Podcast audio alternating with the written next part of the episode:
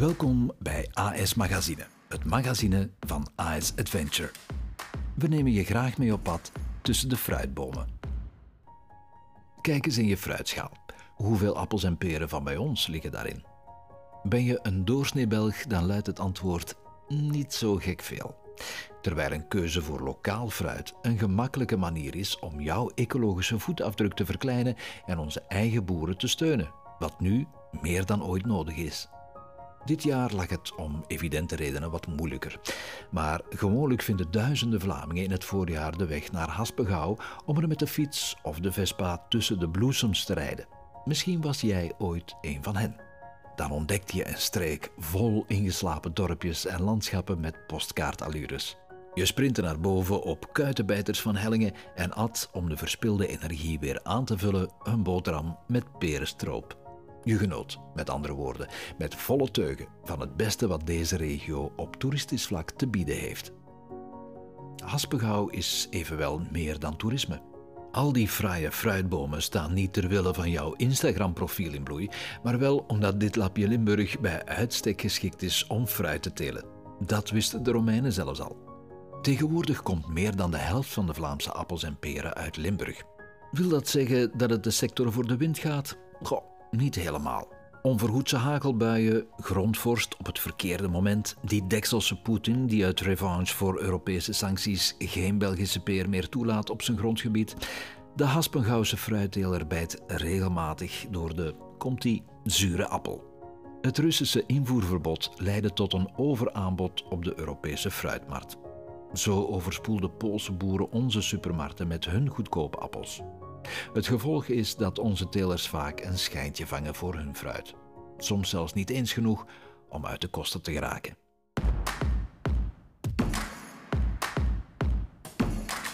Banaan verdrinkt appel. Het helpt beslist niet dat we onze eigen appels en peren niet meer lusten. Jawel, jij en ik, dezelfde Vlamingen die al fietsend de Haspengouwse bloesems bewonderen, laten in de winkel steeds vaker Jonagold en Conference links liggen. Voor eerst omdat we in het algemeen minder fruit eten, zo'n 45 kilo per jaar, terwijl we 10 jaar geleden nog 10 kilo meer nuttigden.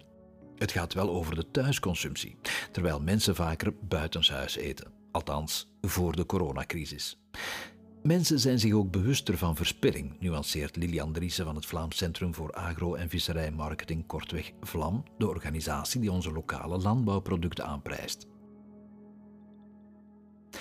Daardoor kopen we een beetje minder, omdat we zeker willen zijn dat we niets moeten weggooien. Dat is uiteraard goed, maar het heeft een impact op de cijfers. Toch eten we ook gewoon te weinig fruit. De Hoge Gezondheidsraad raadt 2 à 3 stukken per dag aan. Wij halen als Belgen niet eens de helft. Die algemene trend is niet de enige reden waarom we minder Belgische appels en peren eten. We zijn ook gewend geraakt aan keuze en verkiezen wel eens een ananas uit Costa Rica of een Ecuadoraanse mango boven een blozend appeltje van bij ons. Of heeft de hype rond door marketeers tot supervoedsel gebombardeerde fruitsoorten als gooibessen of granaatappels er wat mee te maken? Die zouden chockvol antioxidanten en vitamine zitten, waardoor sommige consumenten ze beschouwen als een binnenweg naar lichamelijk welzijn. Voor alle duidelijkheid, alle fruitsoorten zijn gezond zeker mits voldoende variatie. Niettemin stootte de banaan in 2018 de appel van de troon als populairste fruit in België. En als we onze tanden al zetten in een sappige appel, dan opteren we steeds vaker voor geïmporteerde exemplaren. Waar de Belg in 2008 nog 5,4 kilo Jonagolds achter de kiezen stak, een appel die bij uitstek uit onze contraien komt, dan was dat 10 jaar later slechts 3,3 kilo. Vooral Pink Lady neemt de plaats in van Jonagold. Een appel die er al een boottocht van enkele tienduizenden kilometers heeft opzitten wanneer hij op een Belgische versafdeling belandt.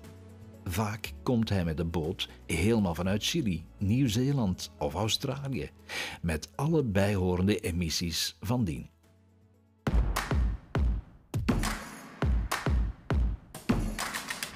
Boervriendelijk. Waarom kiezen we voor een appel met zo'n reusachtige ecologische voetafdruk, terwijl de Limburgse fruittelers even lekkere producten afleveren aan een fractie van de prijs? Vaak uit onwetendheid, betuigt Lilian Driessen van het Vlam. Uit onderzoek blijkt dat veel mensen niet weten dat Pink Lady niet uit onze boomgaarden komt. Daar staat tegenover dat ruim de helft van de Vlamingen aangeeft de oorsprong van een voedingsproduct belangrijk te vinden. En toch verdubbelde Pink Lady zijn marktpositie in tien jaar tijd, dankzij de effectieve marketingmachine die achter de appel schuilt. Soms zie ik reclame van Pink Lady op tv en dan gaan de haren op mijn armen overeind staan, zucht fruitteler Pieter Jan Schreurs. Ieder met de radioreclame over Spaanse aardbeien, terwijl de Belgische er ook aankomen. Pieter Jan werkt in de familieboerderij die zijn grootvader uit de grond stampte, waar hij koeien hield en groenten teelde. Zijn vader schakelde eind jaren 80 over op fruit. In Stevoort, deelgemeente van Hasselt, teelt de familie Schreurs op 25 hectare appels en peren. Pieter pleit voor eerlijke prijzen voor zijn fruit. Fruit Limburg lanceerde in dat opzicht boervriendelijk, een label vergelijkbaar met Fairtrade. Want wereldwinkels ijveren wel voor een eerlijke prijs voor boeren in andere landen, maar wij blijven in de kou staan. Een Hasmengouwse appel, zo stelt Pieter Jan, is veel beter voor het milieu dan eentje die helemaal uit Nieuw-Zeeland komt. Ingevoerde groenten en fruit leggen niet alleen gigantische afstanden af, ze worden vaak al geoogst voor ze rijp zijn.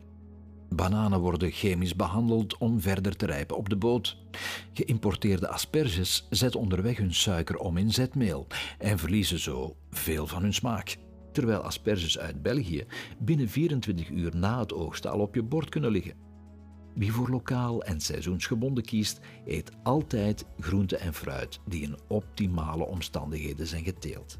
In onze hoevenwinkel koop je om 9 uur aardbeien die om half acht geplukt zijn zegt Pieter Jan. Of appels die tijdens het seizoen recht van de boomgaard komen. Verser kan niet. Appels en peren bewaren bovendien goed, zodat ze ook de rest van het jaar beschikbaar zijn.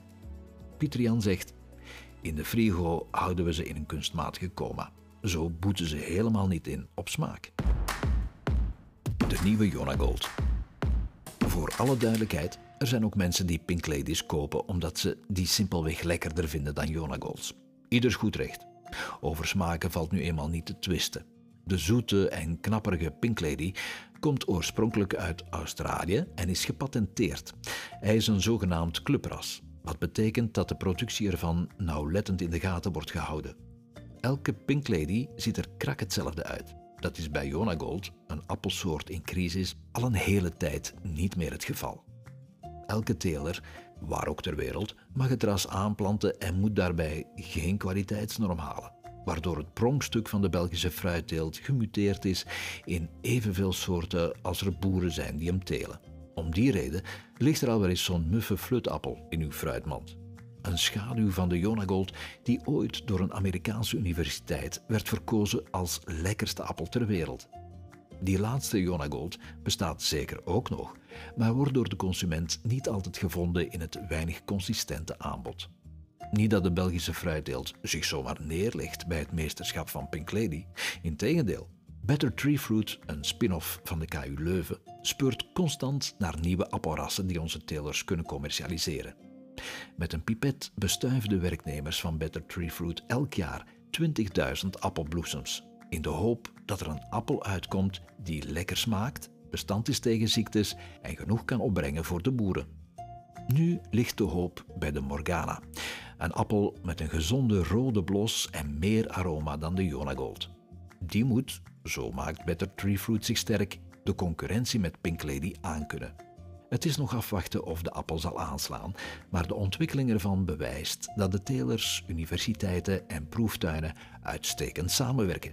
Daarin staan we heel ver, mint Lilian Driessen van het Vlam.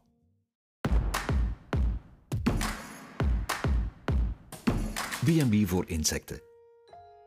De proeftuinen testen de groei van planten en waarschuwen de fruitdelers voor insecten en schimmels met het nodige advies om die op een milieuvriendelijke manier aan te pakken.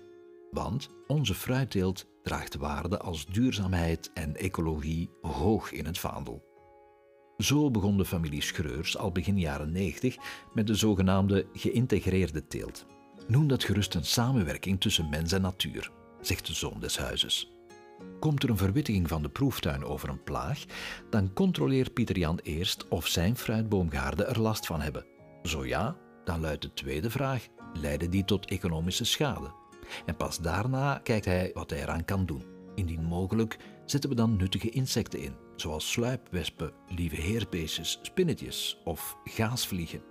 Die lokken de telers naar hun fruitbomen met bloemperken, stroken met lang gras en insectenhuisjes. Een bed en breakfast voor nuttige insecten, al dus Pieter Jan. Die aanpak krikt trouwens eveneens de biodiversiteit van de omgeving op. Mooi meegenomen. Het zijn niet de enige manieren om ongenode bezoekers aan de boomgaard te neutraliseren. Dopjes met de geur van vrouwelijke fruitmotten brengen de mannetjes-exemplaren helemaal van de wijs. En door witte klei op perenbomen te spuiten, vindt de perenbladvlo zijn weg niet. Met zulke alternatieve methodes kunnen we veel schade vermijden, zegt Pieter Jan. We grijpen eigenlijk pas in als de situatie echt catastrofaal is. Dat doet hij zo weinig mogelijk met chemische middelen. Als het kan, laten we de natuur het zelf oplossen. Een aanpak die onze klanten appreciëren. Kiezen voor fruit van bij ons. Appeltje eitje, toch? Benieuwd naar meer verhalen? Lees dan meer op AS Magazine. Ice Adventure. Adventure is everywhere.